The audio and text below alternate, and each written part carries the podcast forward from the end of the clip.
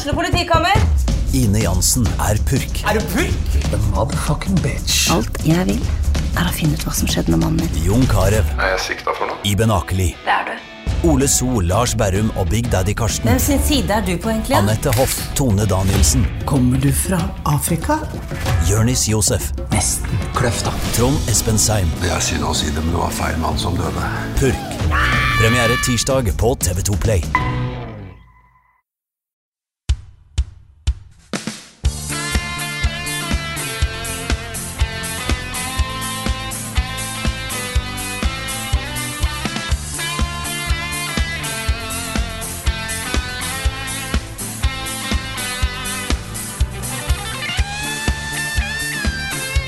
Dessverre en dårlig nyhet til dere, folkens. Mm, jeg har eh, dessverre sett meg nødt til å utsette bursdagen min. Eh, Den er jo egentlig til sommeren, men jeg må utsette den til 2022. Åh, det er den store, skikkelig store bursdagsfeiringa du tenkte på da? Ja, nei, faktisk Altså, jeg, jeg blir jo 48 til sommeren, Ja. men nå blir jeg det da først i 2022. Jeg må bare utsette det, rett og slett. Korona- okay. og sånt. Ja. Men den gode nyheten er at, eh, at bursdagen min da også kommer på PlayStation 4. Det er bra at du tar hensyn, da. da. Ja, Ja, ja. må, jeg må liksom spre, spre gleden. ja, tilgjengelig for alle. Så alle kan eh, delta. Ja, nei, det, det du hører på her, er podkasten Level Backup med meg, Frida Dalmo. Med meg i dag har jeg eh, Rune Fjell Olsen og Niklas Halvorsen. Der gikk nesten i sur der. Eh, Ja, for Carl måtte også utsette eh, deltakelse i podkasten, men bare en uke, da. Ah, Han har en liten sånn pauseuke denne uka her, mm. som vi tar for å ta vare på oss sjøl. Men da Ja. kommer den òg på PlayStation 4, bare så det er sagt. Ja, den kommer også på PlayStation 4. Det er sant, det er sant. Det er mulig vi kommer litt tilbake til, eh, til utsettelser og sånt i nyhetsspalten eh, litt seinere, men det er jo ikke- uventa, da. At veldig mye av de tingene vi har gått og gleda oss eh, til, blir utsatt til neste år. Jeg tror det kan bli litt sånn langt mellom de virkelig, virkelig store sånn blockbuster, triple A-greiene til høsten, altså.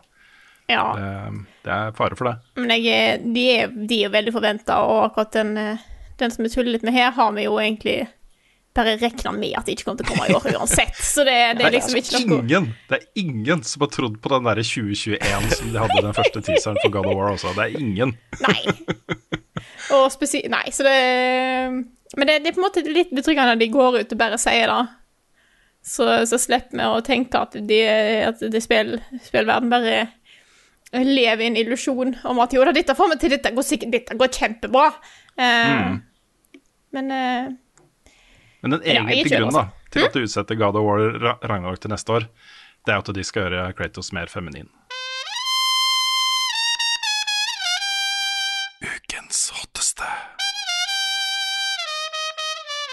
Det har jo vært en ganske stor release denne uka her, og det er da at på ja, 1. juni så var det endelig på tide med at den neste delen av World of Warcraft Classic-utvidelsene har kommet ut. Nå er det The Burning Crusade som står for døra. Eh, og ja, jeg har jo spilt litt WoW, men det er jo du, Nick, som har kanskje mest erfaring med, eh, med WoW og The Burning Crusade. Ja, fordi det var den som gikk utover skolen. ja. Eh, det er, eh, jeg, jeg kom litt seint inn i Vanilla Warcraft. Eh, og så, så var det med det at jeg brukte så lang tid på å finne ut hvilken klasse jeg skulle ha. Og jeg fant ut idet Bernie Crusade kom ut, liksom. For da dukka det opp nye ting, og du kunne spille som aliens og sånn. Det var veldig fett. Eh, men, men da jeg spilte det så mye, og hvis det hadde dukka opp mens jeg gikk på ungdomsskolen eller noe sånt Å, herregud, eller vi, videregående. Da hadde det hadde fått konsekvenser, altså. Så, jeg, så det var Det Ja, det, det, var, det var en heldig at det dukka opp, mens jeg ikke kunne liksom Det kunne ikke gå så gærent på skolen ennå, selv om jeg missa ganske mye skole pga. det. Det du beskriver her, Nick, er noe jeg tror ganske, ganske mange kjenner seg igjen i fra den tiden. Eh, og også, du, du er glad for at ikke du var på ungdomsskolen, men her har vi liksom eh, småbarnsforeldre og folk i full jobb og folk på universiteter og alt mulig rart. Også den, den delelsen her kom jo par-tre år etter eh, World of Warcraft ble lansert. Regnes som kanskje den beste delscenen av mange, hvis man ser tilbake på den perioden da, i, i WoW. Og det var på en måte den perioden hvor flest, flest ble litt sånn farlig hekta av det spillet. Ja. Det er Burning Crusade og Wrath of the Litch King som er er blant toppen der, hvis jeg har fått med meg Ja. rett. Det er det golden age. Nei, det var, det var stort, altså. Jeg også husker, jeg har jo ikke spilt uh, verken WoW Classic eller WoW uh, originalt. uh, og det, det er mye pga. de historiene som kom, uh, kom rundt disse store DLC-utgivelsene. Om hvor Jeg hadde jo folk i min krets også som forsvant, rett og slett. Også fra sosiale nettverk og mista jobben og sånne ting. fordi de ikke klarte å la være å spille WoW. Um, så det var, det var sånn kulturelt ganske svært, altså, eh, disse utgivelsene. Det var jo mange, mange mange millioner mennesker som, uh, som spilte WoW, og det var jo på en måte um, Når det gjaldt MMO-er, da, så var det ingen som hadde, hadde vært i nærheten av å bli så svært. Og, og inkludere så mange mennesker. Nei, men det, Så- det, det, det var jo selvfølgelig eh, Jeg tror det var mange som ble, ble kanskje litt for avhengige av det, men det er jo fascinerende, syns jeg, å se på alle de store fellesskapene og de, de, de, de tingene som har kommet ut av wow, både liksom i når det kom ut, og nå i nyere tid, og nå når eh, Classic har kommet og gir folk den opplevelsen på nytt igjen. Jeg syns det er så fascinerende å, å høre om alle disse opple store opplevelsene som folk har hatt med dette spillet her. For det er virkelig noe som har påvirka folk eh, mye, altså. Ja, jeg husker de køene og sånn.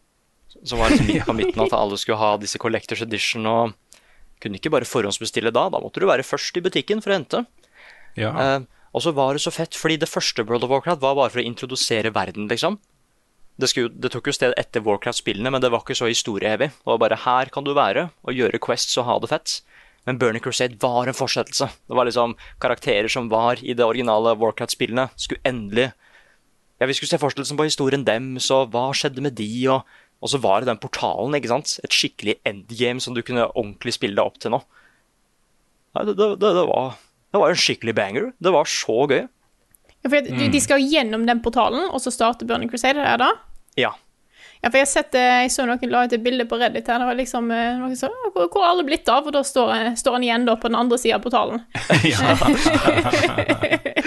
Ja, så liksom, Den portalen er så svær, altså. Du går inn og bare Du får et svært landskap av dette nye Outland. da. Dette er så stort. Velge hvor du skal gå hen og sånn. og det var liksom, Hver gang når du gikk gjennom den portalen, da, så gjorde du det alltid med noen andre. Det var alltid noen som liksom var der på det samme tidspunktet som det du var, da du skulle gjennom portalen første gang. Så det liksom går du inn, så er det en bosskamp på starten som folk kunne slå sammen. da. Det var, det var kjempekult. Det er, altså, er jo, WoW er jo veldig sånn gamey. Det er, det er ikke noe tvil om at det er et spill og, og, og sånne ting. Men det jeg syns er interessant med MMO-spill generelt, da, eh, og virtuelle verdener, er jo um, den tilknytningen folk får til disse verdenene. Hvor viktig det blir i livene til folk. Og vi har liksom med WoW eh, og en del andre spill selvfølgelig, men kanskje særlig WoW, sett starten på uh, noe som kommer til å bli veldig, veldig stort uh, i tiårene framover. Den tilknytningen man føler til virtuelle verdener, eh, tilstedeværelsen, og så betydningen av eh, sitt eget alter ego i disse verdenene, osv. Det er så mange sånne ting som, eh, som har ganske store konsekvenser da, for det samfunnet vi lever i. Um, og det, det er, jeg syns det er dypt fascinerende, altså. Uh, så Sånn sett så har det for meg da vært ganske spennende å følge utviklingen til Bob fra utsiden. Og se liksom hvordan det påvirker livene til folk, og hvor, eh, hvor viktig det er med uh, den rollefiguren, eller i de fleste tilfeller de rollefigurene de har i disse spillene. Um, og det kjenner jeg jo på i sånn litt mindre grad da, i sånne spill som Destiny og Outriders og, og sånt. De, um, de verdenene er viktige for folk, altså. Det fins jo, eh, jo teorier på at vi innen liksom sand og sand i 2050 liksom, så tilbringer vi 70-80% av, eh, av tiden vår i virtuelle verdener. Om det er i jobbsammenheng eller eh, spill eller bare lek eller hva som helst. da. Ja, jeg, er- jeg er nå på digital konferanse på jobb. Den pågår nå. Ja. Ja. Jeg er ikke veldig fornøyd med å ha digital konferanse. Det betyr at jeg ikke kan dra rundt omkring i Europa og være på kule middager og sånt, men det, Ja. det ja. Ja. Nei, det er, en, eh, det er en ny verden dette her også. Og um, eh, ja. Men det er, det er jeg, Nå tok jo eh, Classic eh, altså Vanilla Classic, eh, mye mer av da det kom ut enn en Blizzard hadde forventa, tror jeg. Eh, nå har jeg ikke hørt veldig mye om at eh, serveren har krasja mer enn normalt, men jeg vil tippe at det var bra kø eh, nå når eh, det er launch, men det er jo sånn det alltid pleier å være. Jeg så noen video av en som var innom nå etter, etter launch, og det var bra med folk, ja! ja. Så Så jeg vil tippe at det er mange som kanskje har eh, Enten mange av de som, eh, som hoppa inn på eh, Classic på launch, eh, nå tilbake igjen eh, i Burning Crusade, eh, og kanskje òg flere som har hoppa inn nå, da, som har, har et varmt forhold til, til denne utvidelsen. Så eh, skal, du, skal du spille, Nick? Var du, var du, spilte du mye Classic? Jeg, jeg, jeg spilte Det er noen sånn der eh, hva, hva, hva er det det heter? Små forandringer som gjør alt bedre. Uh, Uh, improvement Altså, hva heter det? Quality of life. Quality, Quality of of life improvements. ja. ja, det, det, var, det var en par sånne som jeg savna litt. Som at folk ikke kan dele det de får requests og litt sånn. Og ting tar lang tid. Uh, så jeg kom ikke veldig veldig langt i Classic. Men igjen, det var jo ikke der jeg starta ordentlig. Men i Burner Crusade tror jeg det blir litt farlig. For jeg husker, jeg husker hvor gøy det var. Jeg kommer til å spille den samme rasen og den samme klassen og bare la nostalgien vaske over meg, liksom. Men jeg har ennå ikke starta. Men jeg gleder meg veldig. Hva har du spilt i det siste? Dette her er litt sånn rar uke, fordi at eh, både at vi, flere av oss har spilt ting vi ikke har lov til å snakke om ennå. Og Nick, du har vel klippa som en gud? Ja. Det, det kom plutselig opp med at jeg har faktisk ikke spilt det på en uke. Sånn er det av og til i denne spillanmelderjobben her, når det er eh, Det er ikke bare spilling som foregår. Men Rune, du hadde noe på hjertet, hadde du ikke det? Jeg har det, skjønner du, Frida, fordi eh, det er en ting jeg ikke har brukt så mye tid på, egentlig noen gang. Jeg har liksom aldri uh, brukt masse tid på å dykke ned i Destiny Law. og det er mye fordi den har vært litt sånn fra og til. Av og til så er den veldig kul. Uh, storyen i Forsaken for eksempel var kjempestilig, men veldig sånn contained. da. En sånn, ok, Du fullfører den historien, og den var bra, men så er det videre, og så grinder du ut raids og strikes og bla, bla, bla. liksom. Så det har ikke vært så viktig for meg. Men den nye sesongen av Destiny 2 følger opp en sånn ny tradisjon da, i det spillet her for å fortelle en eh, sammenhengende historie. Og det begynner å bli så spennende nå. Um, så jeg har lyst til å snakke litt om det. Det kom en cutscene i, eh, på forrige reset, etter at du hadde gjort liksom Weekly Quest, eh, som blåste skjorta av meg. liksom. Den var så fet. Den var så fet. Det er noe av det kuleste jeg har sett i det spillet her i, eh, når det gjelder historiefortelling. da. Um, og det, det dette går på, er uh, noe som har blitt bygd opp over lang tid nå. Altså Først kom um, Sov, altså han som drepte Cade Six, tilbake han, uten liksom minne om hva han hadde gjort og sånne ting, uh, som The Crow. Uh, og så i forrige sesong så gikk vi om bord på et, et sånn mystisk spøkelsesskip, hvor man til slutt, da, etter å ha gjort det tolv ganger og fått tolv law pieces, kunne hente ut eh, det som kalles Crown of Sorrow fra den siste kista i det skipet, som de da tok med seg til The Last City. Og så det er jo der eh, The Traveler passer på, liksom, den store hvite ballen. Passer på og liksom beskytter eh, de siste menneskene. Og The Crown of Sorrow er en slags sånn derre Kan vi kalle det en faksmaskin? og så en, en, en sånn eh, kommunikasjonslinje da, fra Savatun, som er en, eh, en eh, veldig, veldig mektig eh, hive-skikkelse. Eh, og den brukes til å påvirke og kontrollere andre. Og den er nå plutselig i The Last City. Så det som har skjedd liksom fra uke til uke nå, er liksom du ser den påvirkninga spre seg nå. Eh, hvor, eh, hvor The Crow står plutselig og plystrer Savathuns uh, sang. Det henvises til at, eh, at folkene på gata i The Last City synger The Song of Savathun osv. Det har kommet opp sånne uh, binærkoder. og hvis du oversetter det, så er det tonene til Savatuns sang osv. Det bygger da opp til den store delscenen The Witch Queen, som kommer uh, da i starten av 2022. Så de begynner liksom å, å bygge opp noe som er ganske stort da, og omfattende. Ja, det er. Eh, og det som er den store tingen nå i denne sesongen, er jo at uh, The Vex har liksom kasta hele The Last City ut i evig mørke. De har på en måte gjort et eller annet som gjør at sola kommer ikke opp, og det er mørkt hele tiden og, og sånne ting.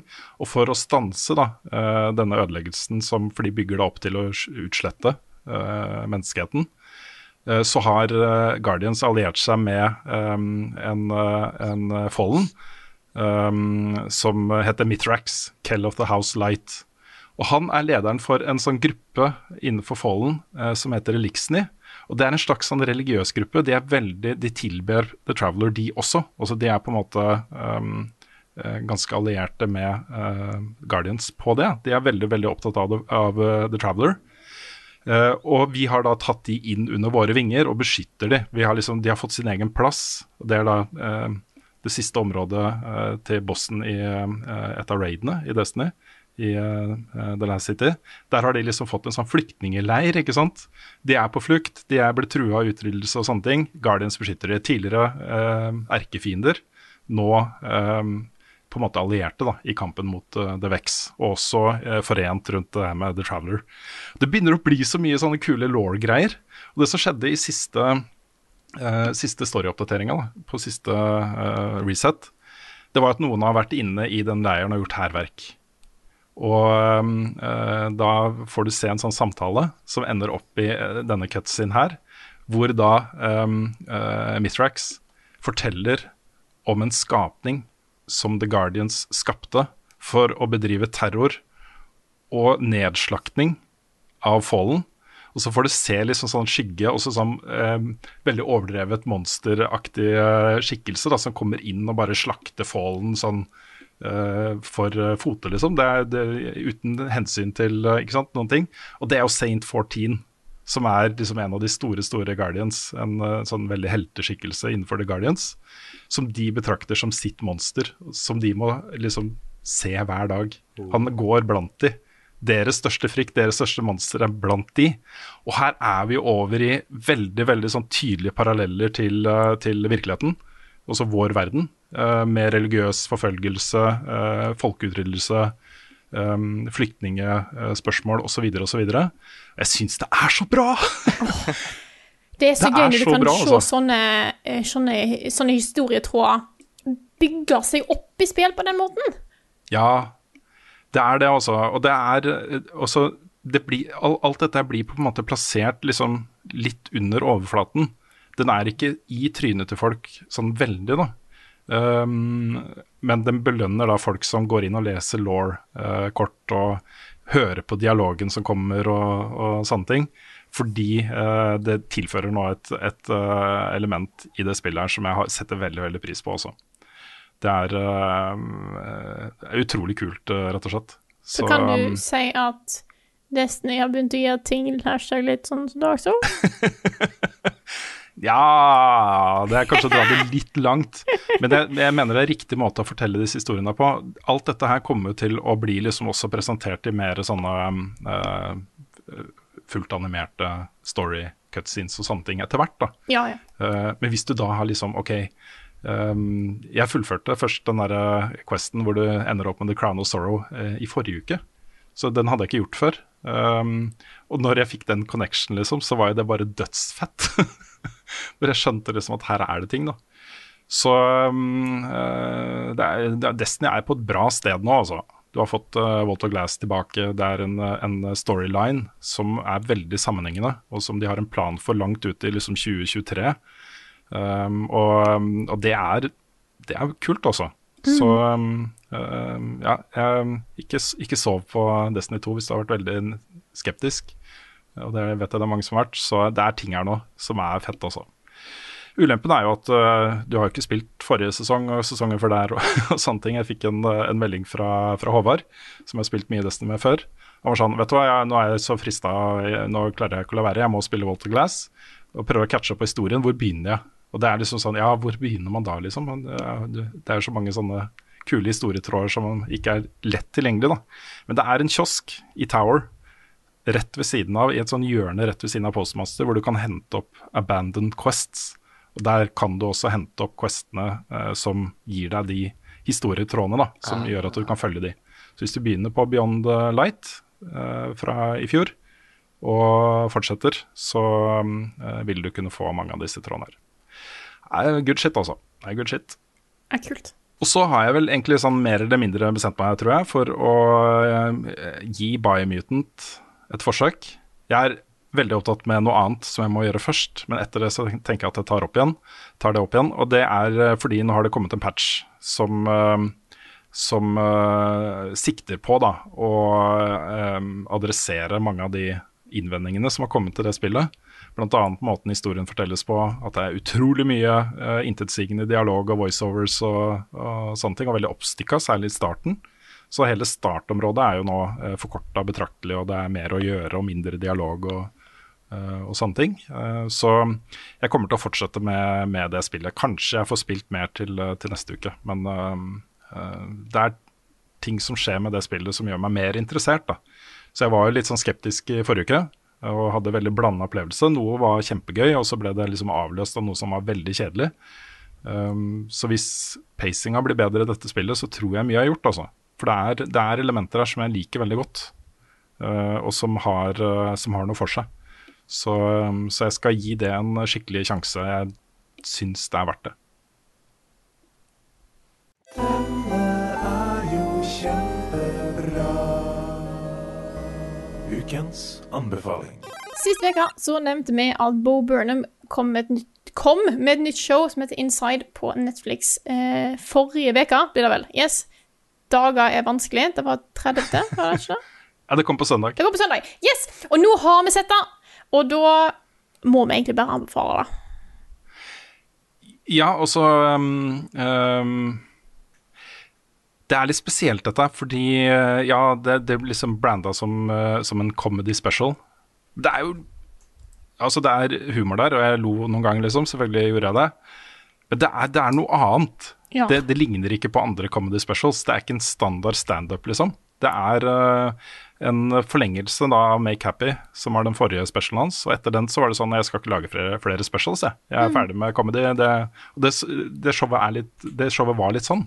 Og så hvor går han fra dette? Og det han har gjort etterpå, det er jo å lage den Eighth Grade-filmen, som har fått veldig, veldig god mottagelse. Uh, han er også en uh, skuespiller i uh, den der nye filmen med Carrie Mulligan. Hva er det den heter igjen? Den sånn hevne, hun skal hevne seg på alle de fæle mennene i livet sitt. Um, Usikker. Ja, ja den, hun ble Jeg tror hun fikk Oscar for rollen. Oh, I hvert fall var hun nominert. Hmm? Ja, nei, jeg prøver å huske hva han heter. Jeg vet hva du snakker om. Iallfall. Ja. han har gjort mye annet. Uh, men Inside er jo da eh, basert på koronaisolasjon. Og så da, da, verden stengte ned, så bestemte han seg for å lage den der. Så den er jo da rekorda av ham selv. Ja. Skrevet av ham selv, filmet, lyssatt, klippet, regissert av ham selv innenfor ett rom. Det er helt insane. Og det er, det, det er helt sjukt. Og, selv, og så alt med dette her er, har på en måte så mange lag, da. Eh, og er på en måte uh, mulig å si mange forskjellige ting om. Uh, F.eks. så er jo det store spørsmålet hvor mye av dette er ekte. Og så alt føles veldig sånn inderlig og ekte. Mm. Det føles som dette han vrenger sjela si, på en måte. Ja. Men er det kalkulert? Jeg vil tippe sant, at, det er liksom, at mye sikkert er ekte, men så jeg sitter på at hvor mye av det er overdramatisert eller sånne ting. Men jeg, altså dette er jo Han heter Inside. Det er filma i isolasjon. Eh, men hvis jeg tenker på han, så vil jeg ikke si at dette er et show om korona. Jeg vil si det er et show om å være menneskelig. Mm. Ja, jeg er enig.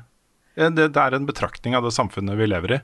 Men det er jo på en måte Rammen er jo isolasjon. Også mm. den, den uh, følelsen av å sitte innenfor liksom fire vegger mens verden rundt deg går til helvete litt, på en måte.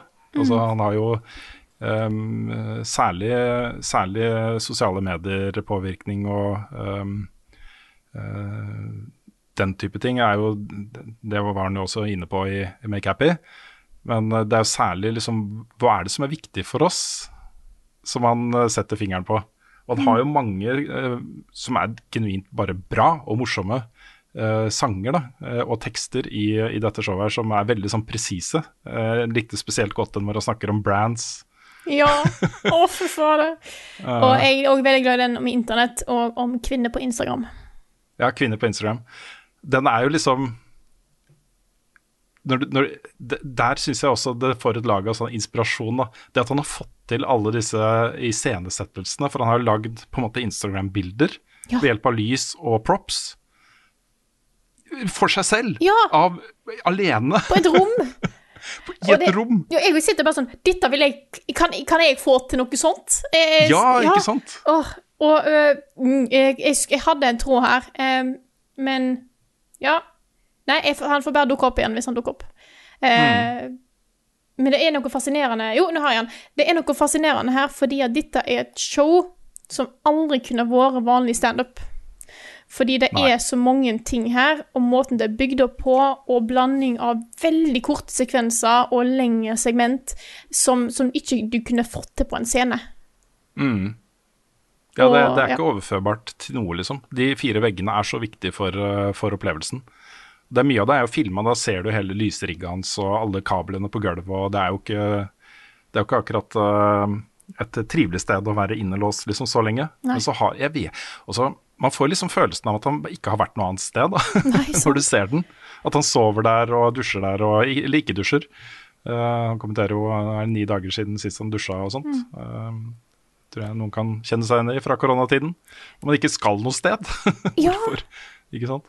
Nei, det er, det, er, det er sånn sett noe av det best laga jeg har sett, og da at det går an å gjøre noe sånt og bare være én person, er helt eh, nesten ufattelig for meg.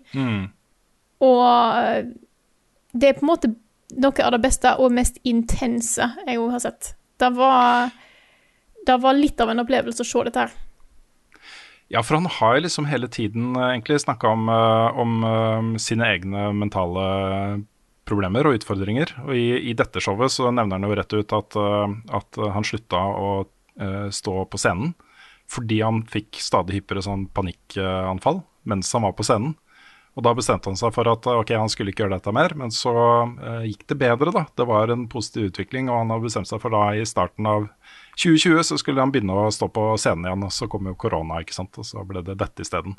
Og det, Inside er jo litt sånn herre, Du reiser jo inn i sånn menneskelig forfall og stadig liksom Han blir jo stadig mer ute å kjøre, da.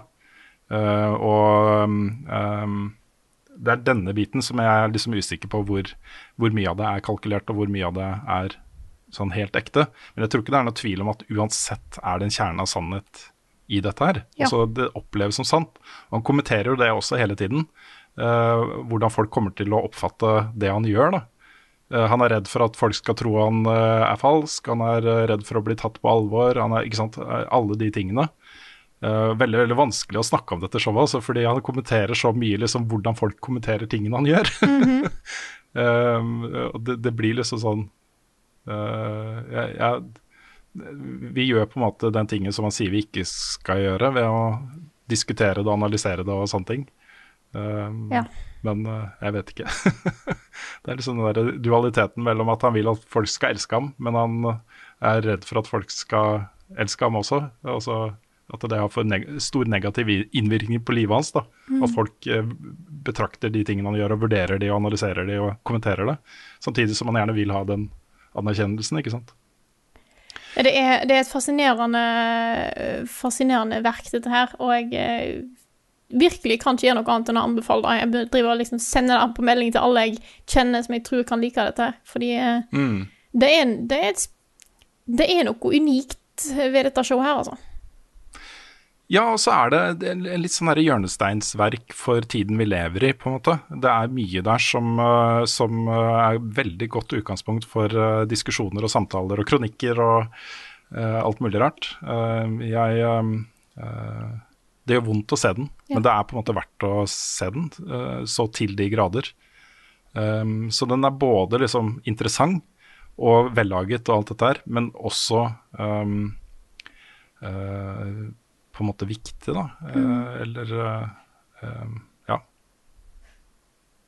Nei, det, er, det er vanskelig. Men jeg er i hvert fall ikke noe tvil om at det, jeg setter jo dette her veldig høyt. da. Dette er noe av det beste jeg har sett. Av noe, liksom. Den, jeg syns den også overgår uh, Make Happy, selv om avslutningssekvensen i Make Happy er uh, ja, Ja. noe, helt eget. Så er på en måte Inside som helhet er en, eh, sånn utrolig sterk opplevelse, rett og slett. Jeg, sitter, jeg har veldig lyst til å se det på nytt, men jeg tror jeg trenger litt tid.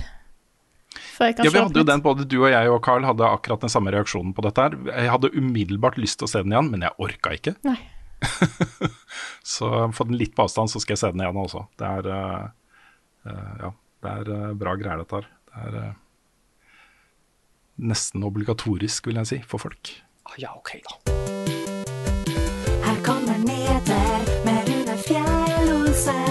Og han har ikke hår. Vi var jo litt innom det i starten, men vi starter med utsettelse for eh, God of War, Ragnarok. Eh, Det kom en melding da fra utviklerne eh, nå eh, om at det ikke kommer i 2021 allikevel. Ingen, ingen ble overraska over det. Det er nå flytta til 2022.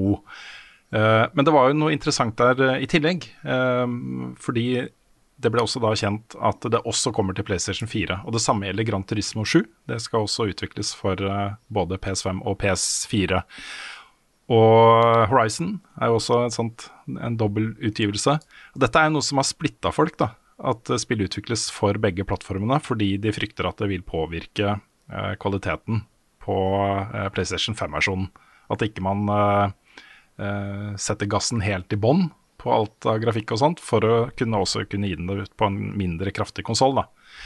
Jeg er ikke så veldig bekymra for akkurat det, altså. Nei. Jeg eh, håper de tar utgangspunkt i la oss gå full guff, og så rommer det litt ned til den andre versjonen. At de ikke Nettopp. går for la oss utvikle for PlayStation 4, og så legger vi på litt particle effects for eh, PlayStation 5. Men, ja, for eh, jeg, jeg, jeg tror de gjør det også. Jeg tror de øh, blinker ut på en måte noen elementer i øh, grafikken og teknologien her, spillmotoren, som øh, åpenbart gjør seg best på PlayStation 5, men som også det er mulig å bare fjerne for å få det ut på PlayStation 4. Jeg, jeg tror det også. Mm. Det er jo så mange av disse Sony-spillene øh, på PlayStation 4 som har sett helt latterlig vilt lekre ut, inkludert av Horizon og The Last of Us Part 2 og, og sånne ting, og God of War. Um, så det at de kan få til begge deler, det har jeg tro på også. Det er jo en fare her, da, for at, um, for at uh, man kan støte på den samme type problemer som et annet stort spill som kom i fjor hadde, med sånn dual-utgivelse på Ja. Hva er det han snakker om? Ja, ikke sant. Uh, men uh, men uh, jeg, jeg er ikke så bekymra for det. Jeg er helt sikker på at de spillene kommer til å se pene ut. Nå kom det jo også en Vi snakka om Horizon i forrige uke.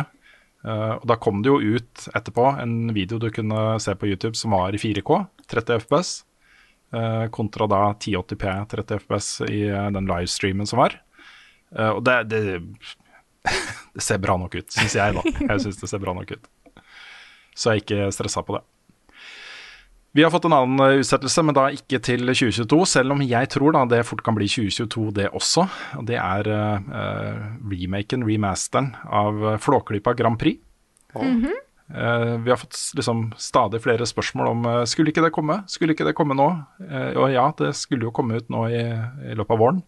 Nå er det jo ikke vår lenger, 1. juni eh, har jo kommet og gått. Eh, og de har da kom, kommet med en statement, Ravn Studio, om at uh, det vil komme til høsten. Uh, de sier at det mer eller mindre er ferdig, men at de må avtale liksom utgivelse med publisher og, og sånne ting. Og de sier også da at eh, korona har eh, medført en del sånn eh, forsinkelser i utviklingsprosessen. Det er jo et eh, samarbeidsprosjekt dette mellom Ravn Studio og Rock Pocket i Tønsberg.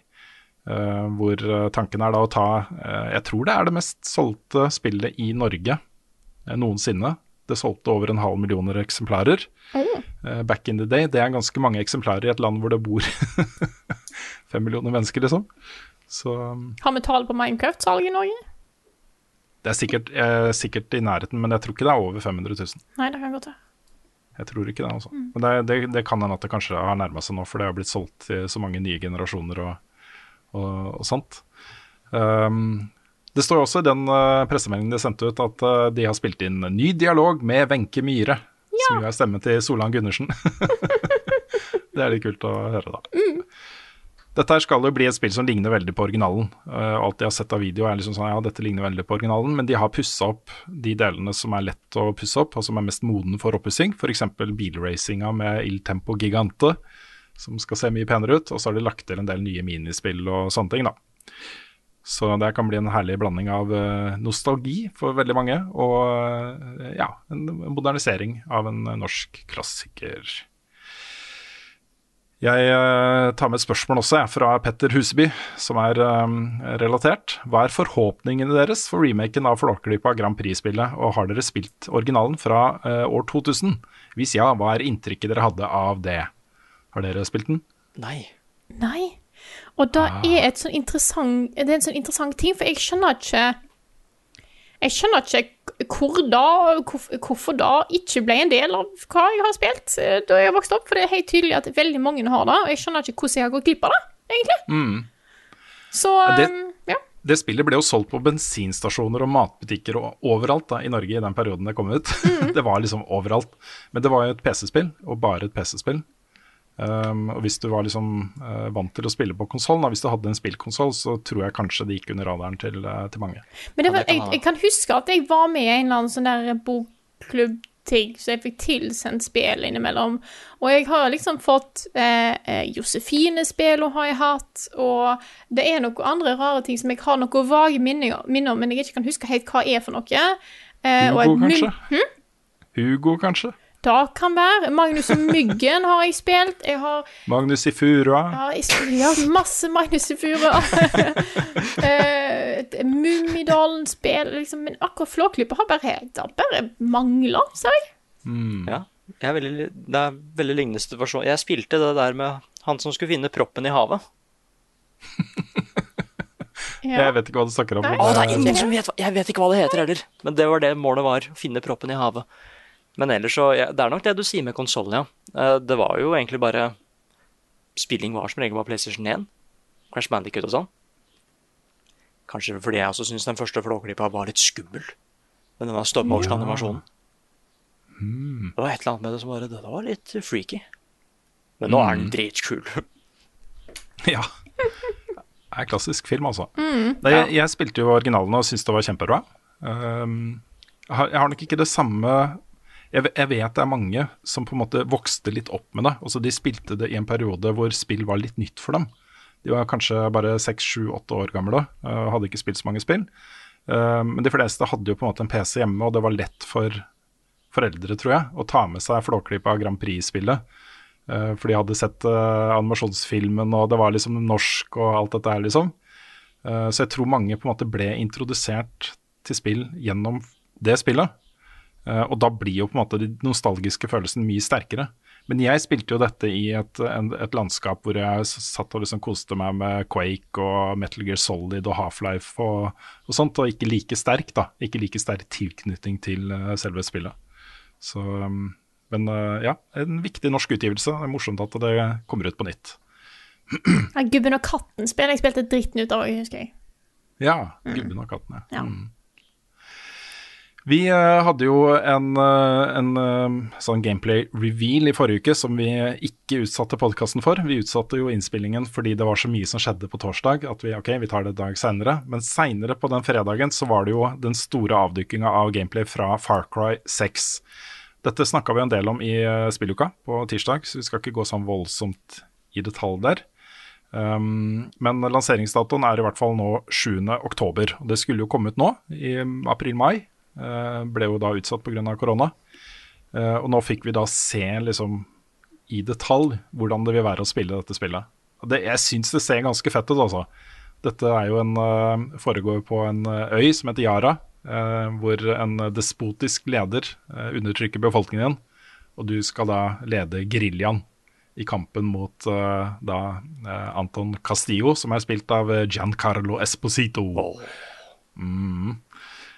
Det er uh, mye kult der også, inkludert da en uh, Du kan ha en companion, som kan være en krokodille, eller en liten sånn uh, veldig søt hund. Den var, hunden uh, ja, den var, den var kul, altså. Den var kul. Oi. Den hadde jo Ja. Har du, har du sett liksom funksjonen til den? Hva den kan gjøre og sånn? Den kunne bite folk i bjellene, var det ikke det? Ja, liksom, ja, Det kan både bite folk, men det kan også liksom distrahere vaktene. For de blir bare sånn 'Å, neimen, se på den hunden!' Ja. og, da, og hvis de reagerer sånn, da kan jeg Jeg håper det er en sånn non-lethal takedown-metode der, for jeg kan ikke drepe de som er glad i den hunden. Ja, det er sant. Men det hadde vært litt gøy hvis du kunne bruke den hunden mot bossen, den siste bossen, liksom. Ja. Gustavo Fring bare Now look at this dog. Åh. Så kan du bare ta den, liksom. Det hadde vært litt kult. Ja, men nei. Ja, I Spiderman Miles Morales så var jo den katten hadde jo da finishing moves. Ja, ja, ja. Det hadde vært kult hvis den hunden her også hadde det. Ja, men nei, jeg, det ser faktisk skikkelig kult ut. Det er liksom Jeg har ikke spilt det, det, forrige. Men jeg, begynner, jeg liker litt rettingen av det Far Cry tar nå. Fokuserer litt mer på skurkene og sånn. Har litt flere mm. varierte områder du kan liksom stelte i og Det at det er en storby også. Mm. Bare åssen ting kommer til å forandre seg på gameplay-fronten der, da. Mm. Ja, det er jo dette gerilja-aspektet som er liksom kjernen i gameplay her.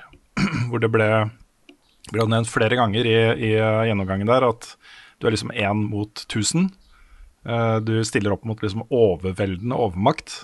Um, og da må du bruke liksom taktikk og kløkt og sniking og stealth og uh, sanne ting da, for å uh, komme deg videre. Jeg er nevnt nevnte dette i spilluka også, men jeg er uh, den ene tingen som gjør meg litt usikker, er at det, jeg syns det ligner veldig på, på Just Cause. Um, jeg, jeg håper at liksom Fordi Just Cause, det jeg ikke likte med Just Cause, var at det var så ensidig fokus på bare uh, sandbox Ja. og ha det fett. Og, og dårlig historie. Dårlig dialog og dårlig historie og dårlige rollefigurer og de tingene. Og ikke noe payoff på det, da, for meg. Ja. Uh, jeg, her er det liksom en mulighet da, til å gi en skikkelig payoff på historien. Det, den muligheten håper jeg de tar. Mm. At den blir god, den historien. Ja, Bruker skurken skikkelig. Det er det jeg håper mest på. Mm. Det er jo populært nå å gi ut uh, store øh, PC-skytespill på mobil. Eh, Call of Duty Mobile er jo en av de virkelig, virkelig store uh, pengemaskinene på mobil akkurat nå. Uh, du har også masse andre spill som er på mobil, PubG osv. Nå kommer også Valorant Mobile. Den var ikke så veldig uventa, men nå har jo da Valorant vært ute ett år. Det feira ettårsjubileum eh, 2.6. Eh, og på den dagen så sa de at nå kommer det også en mobilversjon. Det er på en måte bare et tegn i tiden på hvor, hvor stort mobil har blitt. Mm. Folk eh, sitter jo med mus og tastatur og spiller på mobiltelefonen sin. Også det er rett og slett en billig PC. Eh, Når du da i tillegg har crossplay og alle disse tingene, eh, og Discord, som du kan snakke med lagkamerater på, så det er blitt en helt legitim og god plattform for den type spill også. Mm, absolutt. Mm. Det her begynner å bli en føljetong i nyhetssammenheng uh, hos oss, men det har kommet en ny oppdatering til No Man's Sky, som er gratis, den også, hvor de introduserer masse nytt. Da. Eh, den største endringen er jo at ting ser mye penere ut. De har gjort masse endringer på biomes, hvor det er flere detaljer og uh, sånne ting. Dyrene kan nå for første gang ha pels. Det er ganske flott. Og så kan du Tidligere i år så kunne du jo få pets. Eh, og det er nå også mounts, og de kan fly. du kan ha flyvende mounts eh, slash pets da, i, i spillet. Så um, det, er, det er helt sprøtt, altså, hvor uh, mye som har skjedd med det spillet, og hvor bra det har blitt. Jeg har så lyst nå til å bare gå inn med en fresh save sammen med noen, og oppleve det spillet på nytt. Det hadde vært uh, kult. Ja, det hadde vært veldig kult. Mm. Og apropos eh, visuelle overhalinger og eh, introduksjon av nye ting, så er nå datoen for den første delen av Caves, Caves and Cliffs-oppdateringen til Minecraft klar. Det er 8. juni, så den kommer på tirsdag. Ja. Um, dette var jo noe som opprinnelig skulle komme ut som én stor pakke, men uh, det ble for, for stort for Mojang. Så de har delt den opp i to. Første del kommer nå, andre del kommer nærmere jul. Uh, og dette er jo det, denne delen vil hovedsakelig fokusere på oppgradering av hulesystemene i spillet. Det vil også være noen uh, ting som introduseres både under vann og på fjellene og sånne ting, men det er hovedsakelig da hulene som får en stor oppgradering. Um, da tror jeg, den tror jeg er mange som kommer til å kose seg med. Jeg har, jeg har en her hjemme som uh, har satt to streker under 8. juni, for da kommer både den oppdateringen og en ny sesong av Fortnite. Double whammy. Mm. Vi får en avduking av Battlefield 6 den 9. juni klokka 16.00. Ja. Det går nå rykter om at de skal tilbake til moderne tid. Det er litt spennende. Det blir kjempespennende. Det er en slags kickoff for etere også. Så Ja, det er det kanskje. den gleder jeg meg til å se. Og så nevner jeg til slutt at um, et spill uh, opptil flere, i hvert fall én i redaksjonen vår, er veldig glad i, nemlig Two Point Hospital, nå får en slags oppfølger, nemlig Two Point Campus. Skal vi på, uh, på skole, folkens. Quick, quick, quick, quick, quick, quiz. Og quiz er her. Den kommer nå. Alle blir med, ja, store og små. Det er uh, kanskje noen av dere, og nå snakker jeg om deg og, uh, og dere to, Frida og Nick, som har reagert på at de ikke har snakka mer om etere uh, tidligere. Ja. Det er jo fordi eh, jeg har forberedt en liten quiz. Jeg skal sjekke hvor mye dere faktisk vet om etere. Oh! Mm, så jeg ville ikke at dere skulle liksom bruke tid da, eh, mellom eh, spalter og sånn til å google etere. Nei. For dere er jo, er, jeg er så mistenk, mistenksom på sånne ting. Og så tenker jeg at dere kommer til å jukse. Jukse aldri i quiz. Det er, Nei, det det er er et bra. viktig ståsted jeg har i livet. Nei, jeg jukser heller aldri på quiz, altså. Ja, er, det der skal være fair. Alle skal stille likt. Ja. Men E3-quiz, ja. Ja, hva kan det være? Ja, Den er ikke så veldig skummel også, men det er mest for å markere at nå er det straks etere, og det er jo veldig mye spenning knytta til årets etere, fordi i fjor var det jo ikke noe etere. Nei. Den ble på en måte erstatta av liksom veldig sånn separate pressekonferanser, men i år så er det faktisk en del av de største aktørene som har valgt da, å ha sine pressekonferanser i E3-løpet. Så fra liksom 10. eh, juni og til 15. juni så vil det liksom være et løp med pressekonferanser som vi også da har mulighet til å dekke live på Twitch-kanalen vår, så det skal vi gjøre da. Ja. Pengelek! Ja, Vi har ikke helt bestemt oss for hvilke pressekonferanser vi skal dekke ennå, men det vil komme en eh, video og også tekst på de forskjellige plattformene våre om eh, når vi er live, rett og slett, eh, i etere-sirkuset. Så eh, det jeg har gjort, er jo da at jeg har lagd en liten quiz hvor jeg har tatt litt sånn fakta om etere, og sjekke, sjekke hva dere vet uh, om det. Og så kommer vi tilbake til litt tidspunkter og sånt for uh, årets pressekonferanser etter quizen. Nice. Eh, Dere må selv eh, holde eh, greie på poeng. Ok. Eh, og um, eh, skal vi se Eh, Dere kan si navnet deres. Det her er det mulig å være først ute. Okay. Må jeg bare ha papir her? Skal vi se. Jeg er klar. I hvert fall på, eh, vent, da skal vi se. Jeg skal bare se på spørsmålene. Ja. Um, jeg vet hva, begge kan få svare. Begge kan få svare. Ok. Skal vi se. Og den, den her funker. Yes, ok, greit. Jeg er klar. Første spørsmål. Det er et oppvarmingsspørsmål. Ok. Hva står etere for? Hva betyr etere? Frida. Det er meg. Ja. Ja. ja det, er- det er jeg som er Frida. Etter er ikke Electronic, Electronic Entertainment Expo? Har du lyst til å svare noe annet, Nick? Uh, det er i hvert fall Electronic og Expo. Eh, er det et annet ord på E da? Jeg må ha et annet svar her. Uh, electronic uh... Vet du hva, Jeg gjør litt endringer på quizformatet. Ja, gjør det. På, på noen av disse her så er det uh, Skal du få bli belønna for å være først ute. Ja, Frida kan få den. Frida får poeng for den. Ja. Det er Electronic Entertainment Expo. Jeg tok med det spørsmålet fordi det er fortsatt folk som spør om det. Hva Ja. står egentlig etere for? Ja, jeg var også litt usikker der, faktisk. Mm, Det er tre e-er i forkortelsen, så da er det tre Så E3. Mm. Det hadde vært morsomt hvis de bare kalte den for E. Eh. Ok, spørsmål nummer to. Uh, rop navnet ditt. Hvem arrangerer E3? Oi.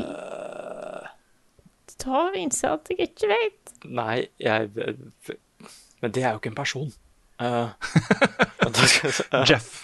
Jeff Nei, jeg skulle bare Los Angeles, så klart. Men um... uh, de, de spørsmålene er jo ment litt som folkeopplysning òg, ikke sant? For dette er på en måte fakta om etere som okay. det har jeg faktisk aldri tenkt på. Nei. Ok, men da skal dere få litt hjelp, og okay. dere får poeng hvis dere klarer det med denne uh, hjelpen her. Forkortelsen for denne organisasjonen er E ESA. ESA. Electronic Service Announcement. Ja, de ja. Um, Det er en forkortelse jeg kjenner igjen, men jeg husker ikke hva den står for. Nei. Uh, Da ble det ingen poeng. Nei. Eller skal du prøve deg, Nick? Nei, jeg, jeg har ingen anelse.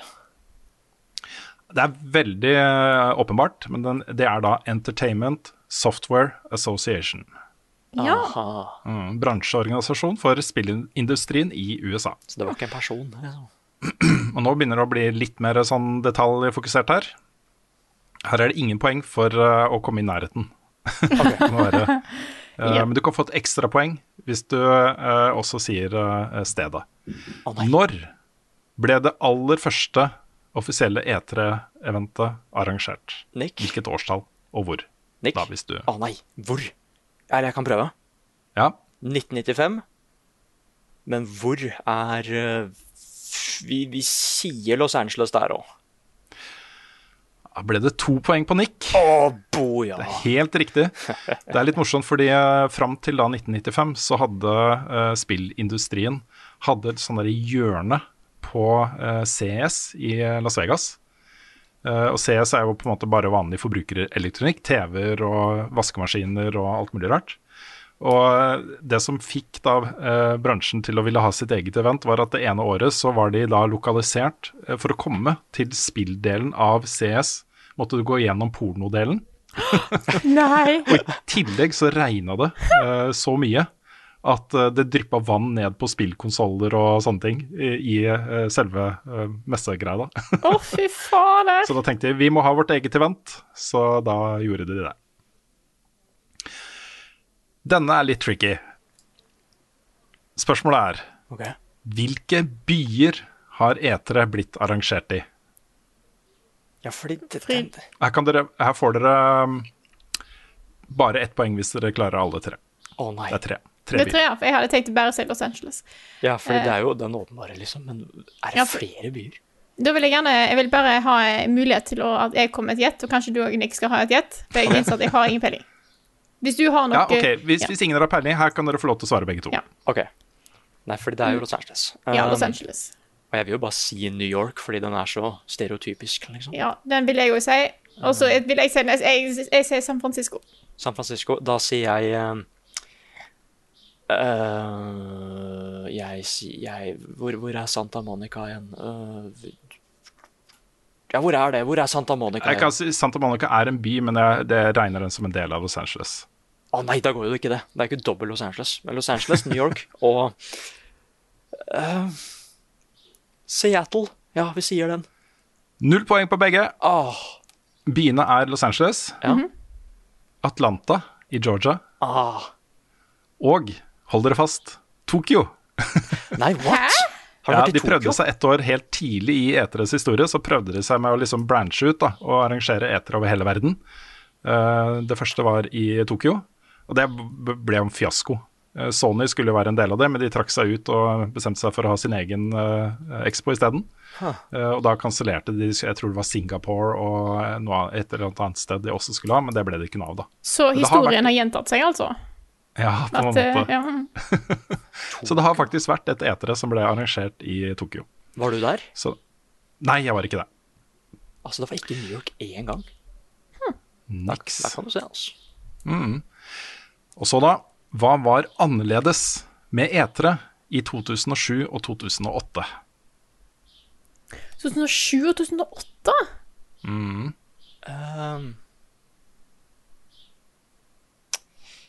Eh, kanskje det var første gang de hadde med at folk kunne betale for å komme inn på messa? ja, det var det jeg tenkte litt på. Ja. At det ble åpent for alle. Men uh... Men det var seinere, så åpna de på en måte for alle hele veien. Det er ny, ganske nylig. ja, eller hva Ja, nei, det Åssen åssen- åssen skal, jeg- formidle det her, da? Um, no, noe med konferansene. Hva kan det ha vært? Fordi det var vel rundt da jeg begynte å følge litt med på det. Eller ish. Lese nyheter dagen etterpå, liksom. Men, Og såpass tidlig? men hva var det Jeg skal gi dere et hint. Ja. Dere har vært inne på det i, liksom, når dere snakker om uh, tidligere i quizen. Så har dere vært innom det temaet. Hva kan det være? Vi har vært inne på det. Hva er det vi har sagt? Ja. Hva er det vi har sagt? Hva har quizen vår om? Eh, Nei, vet du hva. Jeg eh, sier at betenkningstiden er over. det er lov. Ok. Og så kommer vi med folkeopplysningen isteden. Ja. Da i E3 2007 så bestemte de seg for at vet du hva, vi nedskalerer hele greia. eh, gjør det til et veldig lite event kontra det det hadde vært. Fordi E3 hadde jo fram til da vært eh, store folke, ikke folkefester, men store greier, liksom. Med titusenvis av deltakere. Mange færre deltakere, mye mindre venues, eh, og i Santa Monica. Det var E3 2007. Eh, hoveddelen var på eh, eh, Barker Hangar eh, på Santa Monica Airport, men det var også da masse mindre events da rundt omkring på hotellene i Santa Monica. Så, så det var det ene året. Neste år het det, og det het da De skifta navn til E3 Media and Business Summit. De to årene så het det det. Okay. Uh, året etter, i 2008, så var det uh, tilbake på Los Angeles Convention Center, men veldig lite event. Det brukte bare en liten del av, av det, og det var liksom, hadde samme formen da, som eh, året før i Santa Monica. Aha. Var du der? Ja da, det var jeg. um, og så har dere også snakka om det. Hvilket år ble det mulig for vanlige folk å kjøpe billetter til etere? Og da mener jeg folk som ikke er involvert i spillindustrien, enten som journalister eller som PR-folk eller som utviklere eller noe sånt. da. Ja, Vanlige folk. The Mere Mortals. 2017. Jeg er ganske sikker på at dette skjedde etter jeg begynte i Level Up. Eh, jeg husker ikke helt når, men jeg sier 2017. Å nei, da, da har jeg misforstått. Jeg skulle si 2007, men det var kanskje ikke åpen for alle da. Eh, Dette, Nei, det er, dette er en ganske ny ting, men jeg husker Ikke ikke at akkurat du når. bare sa nei der. Å, da var jeg Ja, nei, nei, Det var så langt unna, liksom. sorry. Eh. Det, det, det, dette husker jeg veldig tydelig. eh, at dette var en case, og folk begynte å liksom snakke om at nå eh, om, på en måte om, eh, om, om framtida til E3 og litt sånne ting. Jeg kan huske at dette har skjedd mens jeg har uh, vært i Level Up. Okay. Eller så bommer jeg fullstendig! Ja, hva var det du sa? 2017. For da sier- jeg. Da sier jeg Jeg, jeg tenkte plutselig på 15 med en gang. Skal jeg gå for instinktet, eller bare én under fri? Vi går for instinktet. Vi går for 2015 denne gangen. Det har begge feil. Det var 2016. Nei, fy søren! Jeg fikk tenkte på 2016, men jeg tenkte nei, det var for tidlig. Ja, okay, ja, men Ja, eh, det er det er greit. altså, eh, du har delvis rett da, Frida, eller det vil si du har ikke det. Men eh, det du tenker på er når selve messeområdet var åpent for vanlig publikum. I 2016 så hadde de et event som de kalte E3 Live, som gikk parallelt med E3 på en annen lokasjon. Uh, med mange av de samme utstillerne og de samme spillene og sånne ting. Ja, det var i 2016. Så da kunne okay. vanlige folk kjøpe billetter til det. Skjønner. Så jeg hadde litt rett. Du hadde litt rett, men ikke nok litt rett til at du får et halvt poeng. Ja. Greit. Jeg kan godta, jeg kan godta det. Jeg var litt for eh, standhaftig der. Jeg skal slutte å høre på Jeg blir f- magefølelse. og instinkt og sånt. Jeg blir for Nå kommer vi til den eh, mest interessante delen av quizen min. Ja! Ja. Hvor mange etere har jeg vært fysisk til stede på? Okay, I hvert fall to. Antall. Du har holdt på lenge med, med spill. Men jeg vet ikke hvor mange år du har fått lov til å dra på E3. Men jeg ja, hadde, Jeg begynte først eh, i stad. Nick, har du lyst til å komme med et forslag Ja, fordi, først? fordi han, han har jo sagt det. Og det er ikke lenge siden han sa det heller. Men hva var det det var? Er det hvem som er nærmest nå, eller må vi ha nøyaktig tall her? Um, jeg kan vurdere et halvt poeng hvis du kommer i nærheten. Ok, For da sier jeg Men da må du være én unna, liksom. Å nei. Uh, da sier jeg uh, uh, Når var det det startet? 1918, sier jeg. For jeg tror ikke du har vært der alle gangene, men jeg vet du har vært der mange. Så jeg sier 15. Da blir det et halvt poeng til Frida. Tallet er 16. Hei! Jeg kan leve med et halvt poeng. Halvt poeng. Og fortsettelse av eh, den, da. Ok. Um, jeg ble da ansatt i VG i 1997. Og fram til vi gikk Indie i starten av 2016, så har jeg gått glipp av tre etermesser. Den første var, var da i 1997, og så da var jeg helt fersk i VG. Jeg visste ikke hva eter var engang, tror jeg. Eller jeg visste kanskje hva det var, men det var jo eter var ferskt, og jeg var fersk og akkurat begynte å dekke spill og sånne ting. Mm. Um, hva var da grunnene til at jeg mistet de to andre messene, Okay. da i tillegg til 1997? Uh, skal vi se. Barna dine. I hvert fall eh, Jeg vil tippe da at du har mista to av, eh, av kids. At enten fødsel eller farspermisjon. Ja, fordi jeg sier en for Den første er at det var skummelt å reise. Uh, andre var barn. Var det tre messer du hadde mista? Ja, den første var fordi eh, jeg, jeg visste ikke om etere. Jeg, ikke, jeg, hadde ikke, liksom, jeg var så fersk i VG Ja. at jeg kom og sier Kan dere gi meg 40 000 kroner for å reise til Los Angeles for å være på spillmesse, eller? Mm. Den var liksom ikke naturlig for meg å komme med den. Nei, fordi det er den, og så var det barn. Og så er det, det må være én til her. Det kan være Ja, det er bare to. Det er bare to, da, i tillegg til den ene som OK. Ja. Uh, ok, det er barn. Jeg tror barnet er grunnen til begge to. Så det er den jeg, jeg, jeg Barn på begge to, hæ? Uh, går all in. Okay, for du kan jo ikke ha glemt det plutselig. Det, det går ikke. Eh, du, du Den andre var at du var eh, Du Skal jeg si at du var syk? Ja, vi sier det. Du, du var syk. Jeg gir eh, ett poeng til Frida og ett og et halvt til eh, Nick. Oh. Mm. Fordi den ene var da i 1999. Det var fordi jeg var, jeg var litt stressa på å dra. Jeg hadde ikke lyst. Også fordi det var, eh, året før hadde det vært så kaos. Det hadde vært en så stressende opplevelse at jeg tenkte at dette er for mye. så, så da lot jeg være å dra, rett og slett. Uh, og den andre var da i 2013. Det var da pappaperm for barn nummer to. Eh, det- etter at førstefødte ble født, så gikk jeg ut i pappaperm re nesten rett etter etere. Det var da som på sommeren etterpå. ja. Så um, da fikk jeg med meg da det eteret. Så det er det jeg har gått glipp av. Ok, siste spørsmål. eh, eller det siste ordentlige spørsmålet. For dette har jeg også snakket om før. Hva er mitt største eterøyeblikk, og hvilket år var det? Her er det altså mulig å få to poeng. Dette har du snakket om før, ja. Jeg vil tippe det. Eh, Ja, kjør på. men hvilket år? Ja, det da. Det aner jeg jo ikke. Men jeg veit hva det er. Ja, For jeg tror jeg vet hva det er.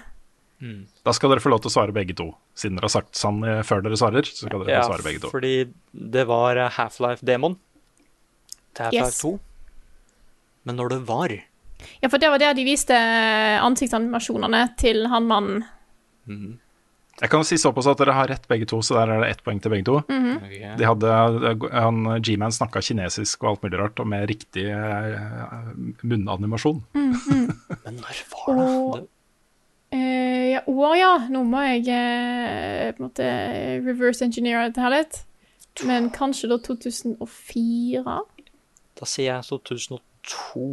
Ja, det er tidligere enn 2004. Ja. Jeg har, jeg har, eh, jeg har, jeg har dessverre slått, satt inn valget mitt. Nei, du, du kan jo velge noe annet hvis du vil. Ja, det blir ett poeng på begge to, for det var i 2003. Nå skjedde det igjen, altså! Ja. Eh, ja, det var egentlig quizen, men jeg har et spørsmål til. Å, kom igjen. Blir det etere neste år? Ja. Ja, det, Ja. det føler Det tror jeg. Ja, Det er ingen poeng på den, da. Men uh, hva ble poenget? Jeg fikk tre poeng, og da tror jeg jeg har blitt slått, slått av Nick, som har Jeg har et halvt poeng mer. Ja. Nei, jeg, Nick nei, er etere-kong. jeg har glemt å telle med det halve poenget mitt. Jeg har tre og et halvt poeng. Shit, det er likt! Ah, det er uavgjort i kampen om å være uh, Level Ups etere konge slash dronning. Wow. Ja. Der kan du se. Bra jobba, Nick. Ja. Jeg for deg. prinsesse, da. Jeg er jo eterkongen. jeg hadde vunnet denne quizen. Da tror jeg. Ja, men, Og flere, opptil flere av spørsmålene jeg ikke trengte å google engang. ja. Når var det de sa 299, hæ? Ja, ja, ja, ja, ja. Men ok. ehm, vi, jeg har et spørsmål også fra en, eh, en lytter. Dette er det ikke poeng på å svare på. Oh. Um, Fredrik Syverstad som lurer på, uh, med tanke på kommende spill vi vet om fra før, hvilken konferanse har størst sjanse til å vinne penneleken i år? Eller er det den som viser Elden Ring som vinner automatisk? Jeg har en knapp Nei, skulle du si noe mer? Hadde du lagt opp ja, nei, bare fortsett. Jeg har en knapp på, eh, kla- knapp på Nintendo i år òg. Mm. Det, er- det er mulighet eh, De må snart snakke mer om Breath of the Wild 2. Det er alle disse ryktene om en Switch-konsoll som kanskje plutselig dukker opp. Eh, Bayonetta! Eh, Ja. og ja, Så jeg føler at de har så mange ting nå som har ligget litt og, og, og, og murra en god stund. Jeg tror i år er i år da de viser det. Ja. Og, og da Ja. sier jeg Square Enix, hvis de er der. Eh, fordi der er det både snakk om noe nytt Final Fantasy Dark Souls-opplegg, som kan være kult. Eh, kanskje endelig se litt mer av dette her Babylons Fall. Ja. Og plutselig så dukker Yoko Taro opp, vet du. Med noe Ja. sprell igjen. Ja, nei, også Nintendo, eh, nå rett før podkasten eh, vi starta innspillinga, så kom jo de med detaljer om deres etere-pressekonferanse. Det er da eh, den 15. juni klokka 18.00 norsk tid. Hvor de sa at det vil være kun fokus på spill til Switch, og hovedsakelig spill som kommer ut i år. Det betyr jo at de har noe, da, som ikke kommer ut i år. Mm -hmm. Breath of the Wild 2. 2, for eksempel. Ja, ikke sant. Oh, Eh, et eller annet. Eh, Metroid eh, Prime 4 tror jeg også Ja. kanskje er sånn 2022-spill. Ja, ja. Men så er det, den- jeg bare sier det, det er en risk at Nintendo bare tar sånn La oss vise mer Pokémon Arceus og, og, og de greiene som allerede er. Og så, Mm. hva er det heter dette her Watch-greiene? Dette her, det her tingene som er kun er stort i Japan. Eh, Dette som ser ut som Pokémon, men som ikke er det, og så er det noe Yokai. Yokai Watch. Ja. Ja, det er sikkert noe sånt. Altså, så ja, bare det. Ja. 40 minutter med det, liksom. Ja, for de har sagt 40 minutter. Mm. 40 minutter med uh, news. Jeg holder en knapp på Microsoft, det, da. Og det er uh, Det har ikke kommet en dritt av liksom svære, svære eksklusive ting til uh, de nye Xbox-konsollene. Man kan kanskje legge inn The Medium som en sånn ting som har kommet, som er eksklusivt til de, da. Men jeg føler ikke at den er liksom helt oppe på Halo og Fable-nivå og sånne ting. Uh, men de kaller jo den konferansen de har for Xbox uh, og Bethesda. Ja. Um, vi får se Starfield, garantert. Jeg er villig til å sette penger på det. Uh, vi får se Fable 4. Vi får se um, hvordan Hva som utsettelsen av Halo Infinite har, har gjort med spillet. Um, og vi får se en del nye ting som ikke vi vet om ennå. For de har kjøpt opp masse studioer. De har sitt eget studio som lager da Fable 4 um, osv. Vi kommer til å se så mye, tror jeg, på den konferansen av ting som kommer til Xbox-konsollene og PC. Jeg, jeg tror det kommer til å bli rock'n'roll, rett og slett. Jeg tror det kommer til å bli skikkelig fett. Og jeg tror også at de kommer til å tjene på at eh, Sony ikke er der i år. De har jo sitt eget event. De har sagt de skal ha det seinere i sommer. Så eh, jeg tror dette blir eh, Microsofts eh, år også. Kan du gå litt gjennom uh, pressekonferansen? Så er det da som sagt eh, Vi har ikke helt bestemt oss for eh, akkurat hvilke vi, skal dekke. Og Square Enix er fortsatt et usikkerhetsmoment. De har, jeg tror de har sagt at de skal ha noe eget, men det har ikke kommet noe dato ennå, som jeg har sett. Så vi holder den åpen. Men eh, nå på lørdag, den 5. juni, så er det jo allerede en slags kickoff med både Indie Game Fest og eh, dag én av noe som kalles Guerrilla eh, Collective. Det er indiespill. Og det er mange indiespill. Det er snakk om liksom et par hundre indiespill som skal vises fram nå i helgen. så, så det kan bli veldig spennende, altså. Det kan være mye kult. Når, eh, Mm. når på lørdag er dette? Det husker ikke klokkesettene i hodet i farta. Vi kommer ikke til å ha liveshows på de to. Nei. Uh, så vidt jeg vet. det kan hende at det blir last minute endringer der. Men da i hvert fall fra uh, på 10. juni, det er neste torsdag klokka 20.00, så er det den store Summer of Jeff, Elden Ring-festivalen. Uh, som også går under navnet Summer Game Fest. The Summer of Eh, Jeff. Ja, Summer of Jeff. Det er lova masse announcements. Store nye greier på den.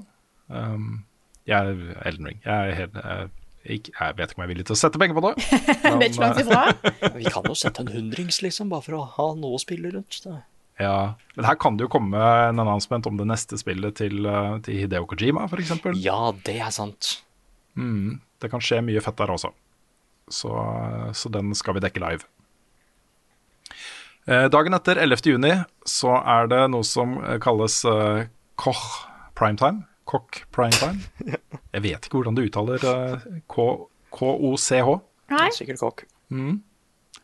Eh, de har jo sånne brands som eh, Metro, Shadow Warrior, Chivalry osv. Kan bli spennende, det også. Usikker på om vi skal dekke det live eh, eller ikke. Eh, klokka, det er klokka 21 på 11. juni, den fredagen. Klokka 22 er det IGN Expo. Jeg er heller ikke sikker på om det er noe vi skal dekke live. Nei, da får vi Nei, jeg vet Får ikke hva det er. Ja, jeg tror IGN Expo hovedsakelig blir ting vi kjenner til fra før. med litt utviklere i studio og litt fersk gameplay og sånne ting. Eh, de har sagt at det vil komme announcements også, Mm. men jeg, jeg tror ikke at eh, vi får de største tingene der. Det tror jeg ikke. Og så da 12. juni klokka 17.00 er det Guerrilla Collective dag 2. Flere indiespill. Uh, etterfulgt av eh, Ubisoft klokka 21. Det er lørdagen. Så er det vel òg der en Holesome Wholesome Direct, er det ikke det? Jo, det er vel også enten det er lørdag eller søndag, det husker jeg ikke helt. Da er lørdag-. Lørdag klokka Ja. ser det ut som, og så tror Ja. jeg Devolver har sagt noe at det skal gi noe den lørdagen. Men eh, når det er, tror jeg er usikkert ennå. Nei, vi kommer nok til å gå live med ting der, i hvert fall Ubisoft. I hvert fall Ubisoft, Men uh, i og med at vi skal live på Ubisoft, så får vi sikkert med oss noen av de andre tingene også. Og så da 13. juni klokka 19.00, Xbox og Bethesda. Uh, den skal være 90 minutter lang, og derfor er det litt rart at PC Gaming Show foreløpig da er satt opp klokka 20.00 den dagen. Men de, de har en tendens til å krasje. PC Ja, Gaming Show det- klarer ikke å sette tidspunkt for eh, streamen sin, føler jeg. Sånn som det har vært tidligere år, så har det jo, når det har vært live pressekonferanser, også med folk faktisk fysisk til stede i salen, så har jo den schedulen endra seg, fordi de venter da til bussene fra forrige pressekonferanse har kommet fram, og folk er inne i salen med å starte. Så jeg, jeg, tipper, jeg tipper at PC Gaming Show ikke vil starte før uh, Xbox er over. Det er mitt stalltips. Og så er det jo et lite hull her, den eh, 14. og 15., eh, hvor det vil komme ting. Og jeg tror eh, det er inn her liksom Square Enix er tenkt å komme. Så det vet vi ikke helt ennå. Men da 15. juni klokka 18.00, eh, som vanlig, Nintendo avslutter pressekonferansekjøret på E3 med en 40 minutter lang direct. Så det er uh, schedulen. Jeg kjenner at det begynner å bli ganske gira. Altså. Jeg tror det vil komme mye svært her. Jeg tror det vil være mye store announcements og ting som vi, vi syns ser skikkelig fett ut. Jeg, jeg, jeg tror the hype is real i år. Hva er dines best, hvor var fredag sist? Har Carl egentlig sopp? Ukens spørsmål. Første spørsmål i dag kommer fra Markus Brakstad Sakseide. Han skriver Jeg ser at Patron har endra kursen sin fra dollar over til norske kroner. Det kan godt hende det er browseren min, men om ikke er forskjellige pledges og mål ganske urunde tall. Er dette noe dere kommer til å endre på, eller er det bare meg? Og det er, De har begynt å endre det. Jeg ser at hos meg så står det fortsatt i dollar, eh, men jeg vet at mange har fått det opp i kroner, og det er fordi Patron har nå innført lokal valuta, som jeg tror vil være en god ting, for da slipper du noe fis for konvertering av, av penger. Eh, Mm. Men det har jo gjort litt med målene våre. Og, Ja da, vi, og- vi, vi skal se på det. Vi har ikke bestemt oss nøyaktig hva vi skal gjøre, men du kan i hvert fall uh, gå ut ifra at på et punkt ganske snart så vil eh, eh, de uh, tiersa som er der, være i norske kroner og runde tall. Vi må jo ha en på 69. Vi kan jo ikke ikke ha en på 69. Kanskje til og med en på 420, bare for å ha det. så vi har begge deler. Men uh, det, det kommer til å skje. Dette er en endring som er egentlig bra for oss, da. Fordi det er ikke sånn 100 ideelt å uh, ha så stor del av inntektsstrømmen sin i amerikanske dollar. Det er jo sårbart for endringer i valutakurs og, og sånne ting, og hvor sterk norske, den norske krona er. Det hadde jeg ikke tenkt på i det hele tatt. Det er jo kjempelurt. Ja, nei, vi har jo, vi har jo Altså dollaren har jo vært, det husker jeg, i min levetid nede i fire kroner. Nå er den jo på åtte et eller annet. Det tenk da, hvis halvparten av inntekten vår bare forsvinner fordi Ja. dollarkursen kommer ned i fire. Så, så det er ikke helt bra. Og I tillegg så er det lettere å på en måte eh, illustrere da, eh, eh, at altså, dollar er litt sånn fantasipenger. Norske kroner er litt mer ok, du ser, du kan sammenligne det med hva du betaler for Netflix og hva du betaler for Spotify og sånne ting, og så tenke at ok, det å betale 69 kroner i måneden til level up, uh, og du får igjen det og det og det, er litt lettere å kommunisere, på en måte. Så vi har jo hele tiden ønska å på en måte flytte det over til uh, kanskje til og med norske tjenester. Det blir en stor prosess, altså. Mhm. Fordi eh, hvis vi gjør det, hvis vi f.eks. plutselig en dag sier at ok, nå er vi på VIPS isteden, eller noe sånt, Spleis, et eller annet, så kommer vi til å miste mange som bare tenker at ja, jeg må huske å skifte over kortet mitt, og så gjør de ikke det, og så ja. Så, så den er litt kinkig. Men uh, på et eller annet punkt, da, et sted inn i framtiden til eh, level up, så tror jeg nok du kan gå ut ifra at vi uh, i, i større grad liksom holder oss til norske tjenester og, også. Men dette er i hvert fall et steg mot uh, fornorsking av oss, da. Absolutt, Så- absolutt, absolutt. Eh, 69, vi må bare gjøre det. Vi må gjøre det. Nei. Jeg tar og fortsetter her med et spørsmål eh, fra Jon Magnus Restad. Han skriver hvordan blir sommeren for Level Up-redaksjonen i år? Tenker i første rekke på innhold og produksjon, men litt snakk om ferieplaner er lov. Det her blir jo den siste, håper jeg, da, spesielle sommeren som er prega av korona og drit. Um, jeg, eh, de, som, de som var på livestreamen av spilluka på tirsdag, fikk jo med seg at jeg, har- jeg har fått vaksinetime for dose 1. Ah. Det, er, eh, det er fredag. Så når podkasten er ute senere på dagen, så vil jeg da sette første eh, stikk. Eh, det betyr jo at, at hvert fall min sommer blir jo litt sånn lettere. eh, og mer å se fram til og sånne ting. Eh, men jeg har jo en kone som ikke får sin første dose før tidligst, da, mot slutten av juni, tenker jeg. Aha. og så har jeg to barn som ikke kommer til å bli vaksinert. Så vi kommer til å fortsatt ta det rolig. Det blir nok Norges eh, sommer på oss. Vi har jo litt familie i Stavanger og sånn, så jeg tipper at vi tar turen over dit. Eh, Men ellers ganske rolig. Men eh, rent sånn level up-messig så eh, blir det nok sånn i år at både Carl og jeg, og du Frida, for du har andre store planer, det kan vi snakke om straks, eh, i sommer, vi tar nok ferie i juli begge to. Og det er rett og slett fordi det skjer mye i juni som vi må gjøre. Det kan hende at kanskje Carl kan ta seg fri litt sånn mot slutten av juni og så være tilbake litt tidligere. Men i hvert fall fra starten av august så må vi være på jobb, begge to. Det kommer til å skje mye i august. Så eh, juli blir nok ganske rolig. Og da eh, Beklager at jeg prater mye nå, men vi har jo planlagt litt sånn ting som vi skal ha da eh, løpende utover uh, sommeren. Og det ene er jo den nye sesongen av Duellen. Ja! Ja, den kommer til å gå i juli. Eh, og så har også Carl nevnt, jeg vet ikke om han blir sur på meg for at jeg nevner det, men han er ikke her, så da får det være greit. Men han har nevnt at han har lyst til å prøve å få starta Minecraft-serien. Ja. Som jo han lovte han skulle lage etter, eh, etter at vi nådde 15 000 dollar på Patron tidligere år. så, så det er mulig den også kommer til å gå, da. Og kanskje vi klarer å lage ferdig noen podkastepisoder også i forkant. Yes. Jeg, har, eh, jeg tar ferie fra midten av juli, og så blir jeg vekke en måned, så jeg er ikke tilbake igjen før eh, litt ut i august. Eh, og da er jo fordi at nå har vi bestemt oss, nå går vi for det. Jeg skal gifte meg. Yay! Så eh, nå er, det, nå er det mye kaos i hodet mitt altså, for planlegging. Fy fader, det er mye greier. Så nå begynner liksom ting å falle en del på plass, da. Med alt av eh, fotograf og frisør og alt mulig rart som skal til for en sånn dag. Så det, hele sommeren min går vel egentlig med til da. Er vel Ja. egentlig planen min. Jeg har, eh, jeg har eh, veldig lite av bryllupsreisen min planlagt, eh, men jeg har, én eh, reservasjon på restauranten under i Lindesnes, som er den som er under Ah, så sjøen. kult! Eh, Michelin-restaurant, så der har vi depositum inne for en bestilling. Så der, eh, da er planen min, for den ser så jæklig kul ut. Å, fy fader. Ja, det der er en opplevelse, altså. Jeg har så lyst til å dra dit.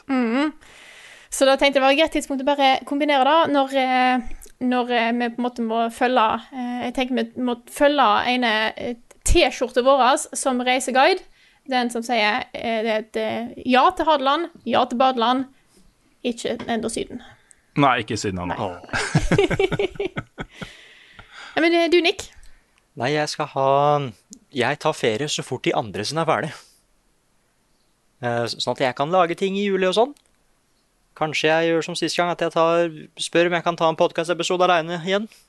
Ja, kult. Just for the heck of it, så da blir det litt podkast da òg. Men som regel så er det det at ja, duellen kommer til å gå. Så skal jeg prøve å streame litt, og litt sånn. Mm. Vi har jo et par eh, det, er mindre store utgivelser i juli nå enn det pleier å være. Juli har liksom blitt en sånn periode hvor det plutselig slipper ting. I fjor var det jo uh, Ghost of Sushima, for eksempel, kom jo midt i juli. Eh, I år er det jo eh, Skyward Sword og det remaken, -hmm. pluss The Devil Inside. Jeg ser vi har fått eh, spørsmål om det også. Jeg skal se om jeg kan finne ut hvem Oi, kommer det nå? Andy Pandy, noen tanker rundt Little Devil Inside. Gleder meg ekstremt til spillet kommer, og det gjør jeg også. Dette er jo det spillet med han duden som blir sendt ut på livsfarlige eventyr over hele verden fra han fyren i flosshatt som ligger i badekaret hjemme i herskapshuset sitt. ja! Å, jeg hadde Ja. glemt at den kom! Kommer Ja. det nå, altså?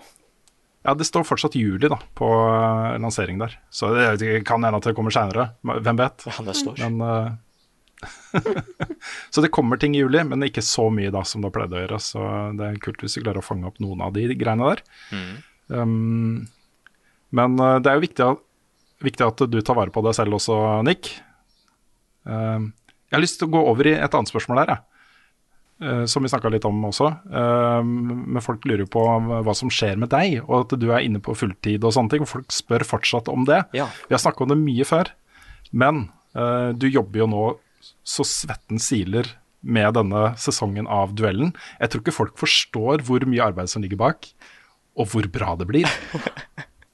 Det er, eh, det er som du sier, at det, det syns ikke helt ennå, den der eh, fulltidsgreia. Eh, Det har jo vært eh, Jeg prøvde å sette i gang noe med Nick-spalten helt til det plutselig ble endelig snakk om duellen. Nei, Så jeg, jeg er egentlig bare Dagene mine er egentlig bare at jeg står opp og spiser litt frokost og sånn. Og så redigerer jeg, og så går jeg og legger meg. Eller jeg spiser da òg, liksom. Men, men ja, det er liksom bare Jeg har fått eh, masse, masse opptak.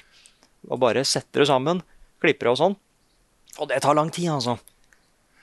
Ja, fordi vi har, du har altså sju spor som skal klippes sammen. Er det seks eller sju? Det er seks, Seks er det. Ja. Ja, seks spor som skal klippes sammen, eh, redigeres sammen. Og så vi har spilt det samme spillet, og her skal det liksom, dramaturgien skal være liksom at du er innom alle seks gjennom det vi har spilt. Og så liksom bygges opp mot en dramatisk avslutning. ikke sant? Det er sjukt vanskelig. Det er kjempevanskelig å få til uh, å bli bra, da. Um, men det vi har sett av det, ser jo helt uh, vanvittig kult ut. Og det som er denne typen produksjoner er jo ikke noe vi har eh, hatt muligheten til å prioritere, for vi har vært Carl og meg på heltid.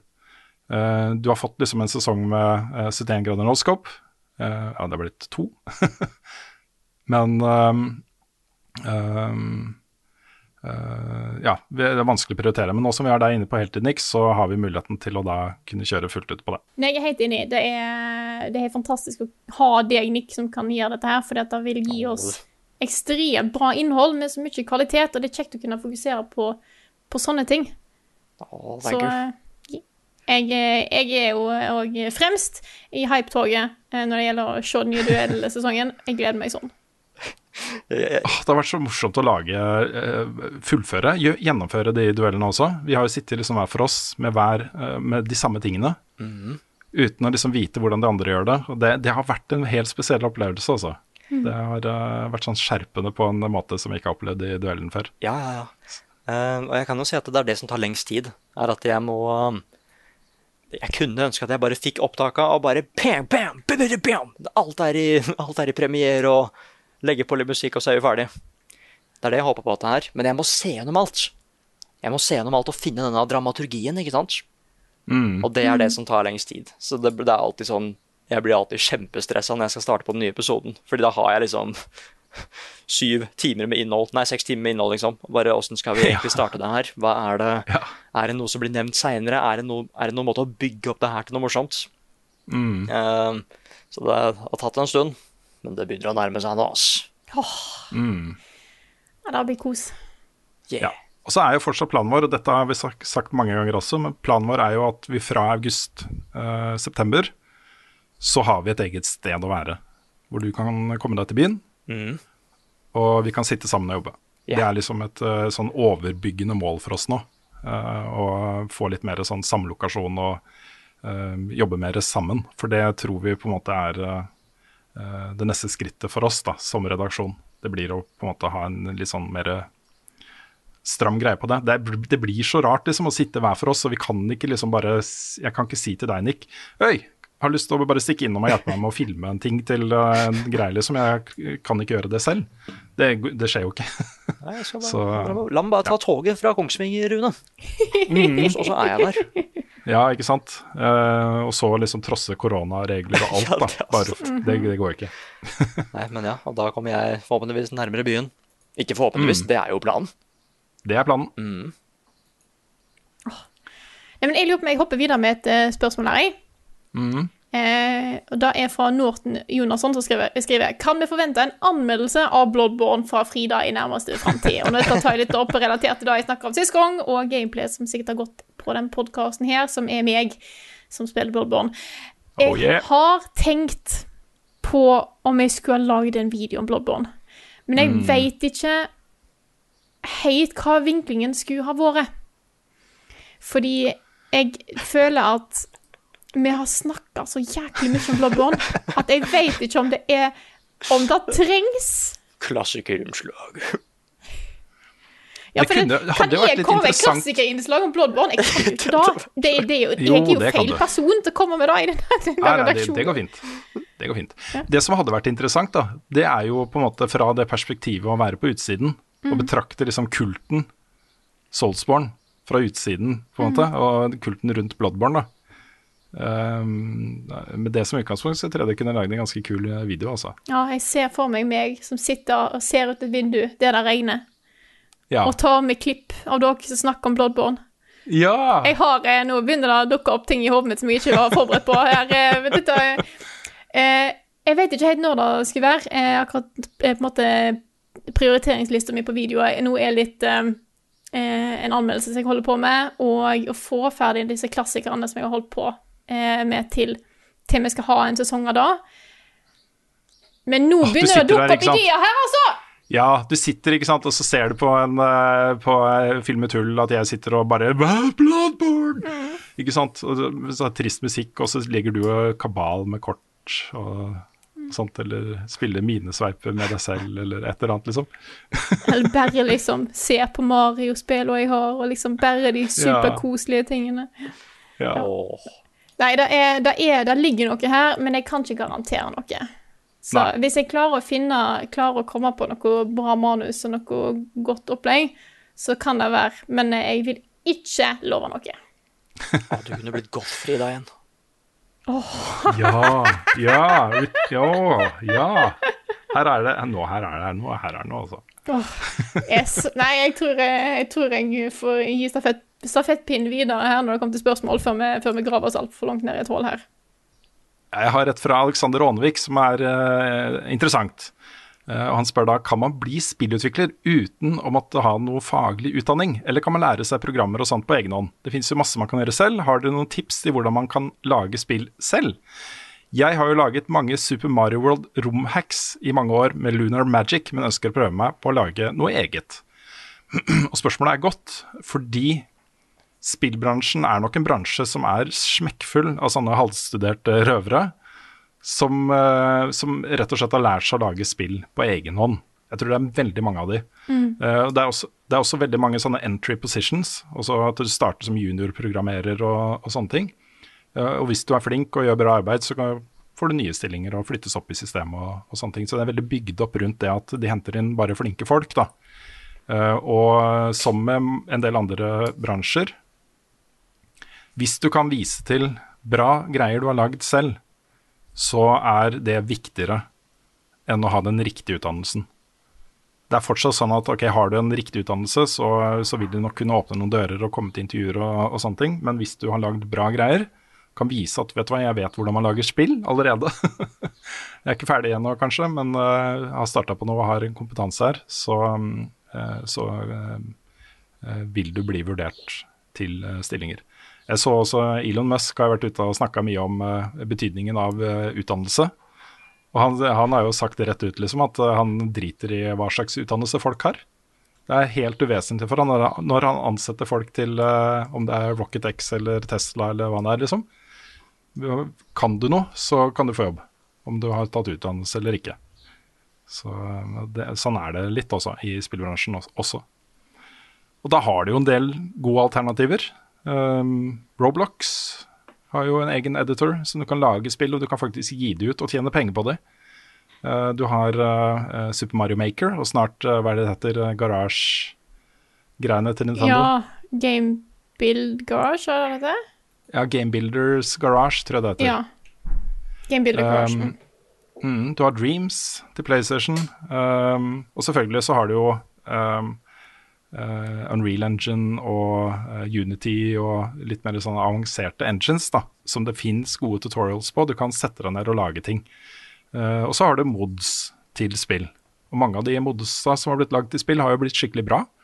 Og blir mye spilt og i hvert fall viser fram spillutviklingsevner hos de som har laget, laget dem. Så det er masse muligheter her. Eh, bare å gripe de og sette i gang. Yeah. Har dere noen flere spørsmål på lager, eller er det Jeg, Tid jeg, kan, jeg kan ta en lynrask nikken. Ja? En superrask en. Fordi det er fra eh, Skal vi se, det er fra Odin Fjøsne Hekseberg på Facebook som spør har Nick noen planer om å lage topp 20-lista Eller topp 20 spill fra 2020. Ikke noe press, bare nysgjerrig. Jeg skal lage noe på det, men jeg tror ikke det blir en sånn video som jeg har lagd de andre gangene. En sånn godt redigert, bestemte klipp, bestemt musikk. Jeg, det kommer nok til å bli noe litt mer sånn fast-paced, men jeg skal kåre noen av spillene. Det har jeg lyst til. Selv om det begynner å bli litt seint nå. Det, jeg burde ha Nei, begynt men mye alt blir utsatt, vet du. Ja, sånn, kan du se, vet du. 2022. Den kommer i 2022 Ja. på PlayStation 4. jeg, jeg kan ærlig si at så fort duellen starta, så glemte jeg glemte det helt. Jeg tenkte ikke over det i det hele tatt. Jeg bare, men eh, ja, hvis det ikke er for seint Nei, det er ikke for seint. Det er bare utsatt. Det kommer et eller annet. Kanskje jeg putter den inn i Hvis det blir noen Nick-podkast, kanskje jeg bare putter den inn der. Ja, det var lurt. En, en rask en der, liksom. Trenger ikke å snakke så mye, men bare rangere i. Jeg får lyst til å lage en eh, solopodkast, jeg òg. Ja.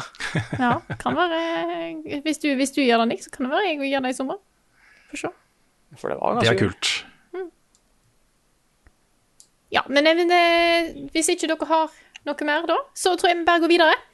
Dette her er podkasten Level Backup utgitt av moderne media. Låten i introen og outroen er skrevet av Ole Sønnik Larsen og arrangert og framført av Kyoshu Orkestra. Vignettene er lagd av fantastiske Martin Herfjord. Du finner mye mer innhold fra oss på youtube.com slash levelupnord. Så jeg husker det i dag, Rune. Bra. Ja, det er bra. det er bra. Eh, og på twitch.tv slash levelupnord. Der vil nok komme ut info om når vi skal streame framover. Eh, på alle mulige slags kanaler, så bare følg med. Men streaminga Streaminga, det var et veldig rart tonefall. Da skjer på twitch.tv slash levelupnord, så bare følg med der. Vi har òg en discord, discord.gg slash levelupnorge, og der skal vi i hvert fall også legge ut informasjon om når det blir stream, og der får du òg varsel når vi går live på eh, Twitch, og når det kommer nye videoer på YouTube. Så det er ikke en dum plass å være sånn sett, i tillegg til at det er et superkoselig community. Ja, vi, Kjempehyggelig. Vi har en shop, shop.spreadshot.no slash levelupnorge, der du kan få alt mulig rart av kule T-skjorter og capser hvis du trenger beskyttelse mot sommersolo. Og gå inn på patreon.com slash levelupnorge og støtt oss der hvis du har lyst til å støtte det arbeidet vi gjør. Vi setter ekstremt stor pris på det, så tusen takk. Og så vil jeg si, Ja, det er en for eksempel last med 69 kroner. 69 kroner, yes. Kan gå. Ja. Og så vil jeg bare nevne, siden det er en ny måned, ta og sjekk eh, om eh, eh, at ikke kortet ditt har gått ut på dato. Det hender at skjer. Det hender at vi får meldinger bare sånn Oi, shit, jeg trodde jeg hadde støtta dere, men jeg har ikke støtta dere på ti måneder, viser det seg. Så ta en liten kikk der. Det er bare en liten friendly reminder. Det er lettere å be om 69 kroner enn eh, 69 dollar. Da er det jo. Og med det så tror jeg vi tar runde av her. Eh, takk til alle som har hørt på, og så snakkes vi igjen neste uke.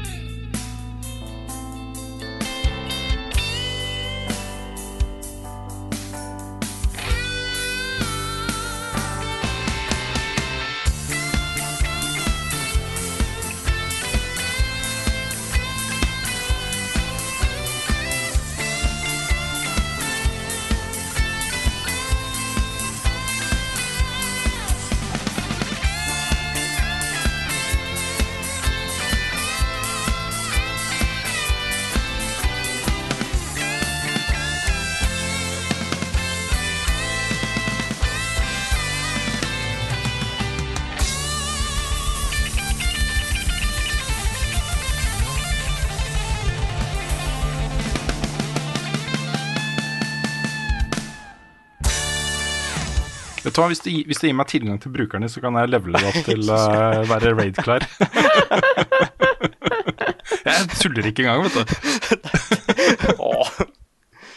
Jeg mener det seriøst, Edik. Ja, ja, Det er et tilbud. verst at da hadde jeg jo faktisk vært klart. Ja, det, det er noe der, kanskje. Det, Har du et enkeltpersonforetak eller en liten bedrift? Da er du sikkert lei av å høre meg snakke om hvor enkelt det er med kvitteringer og bilag i fiken, så vi eh, gir oss her, vi. Fordi vi liker enkelt. Fiken superenkelt regnskap.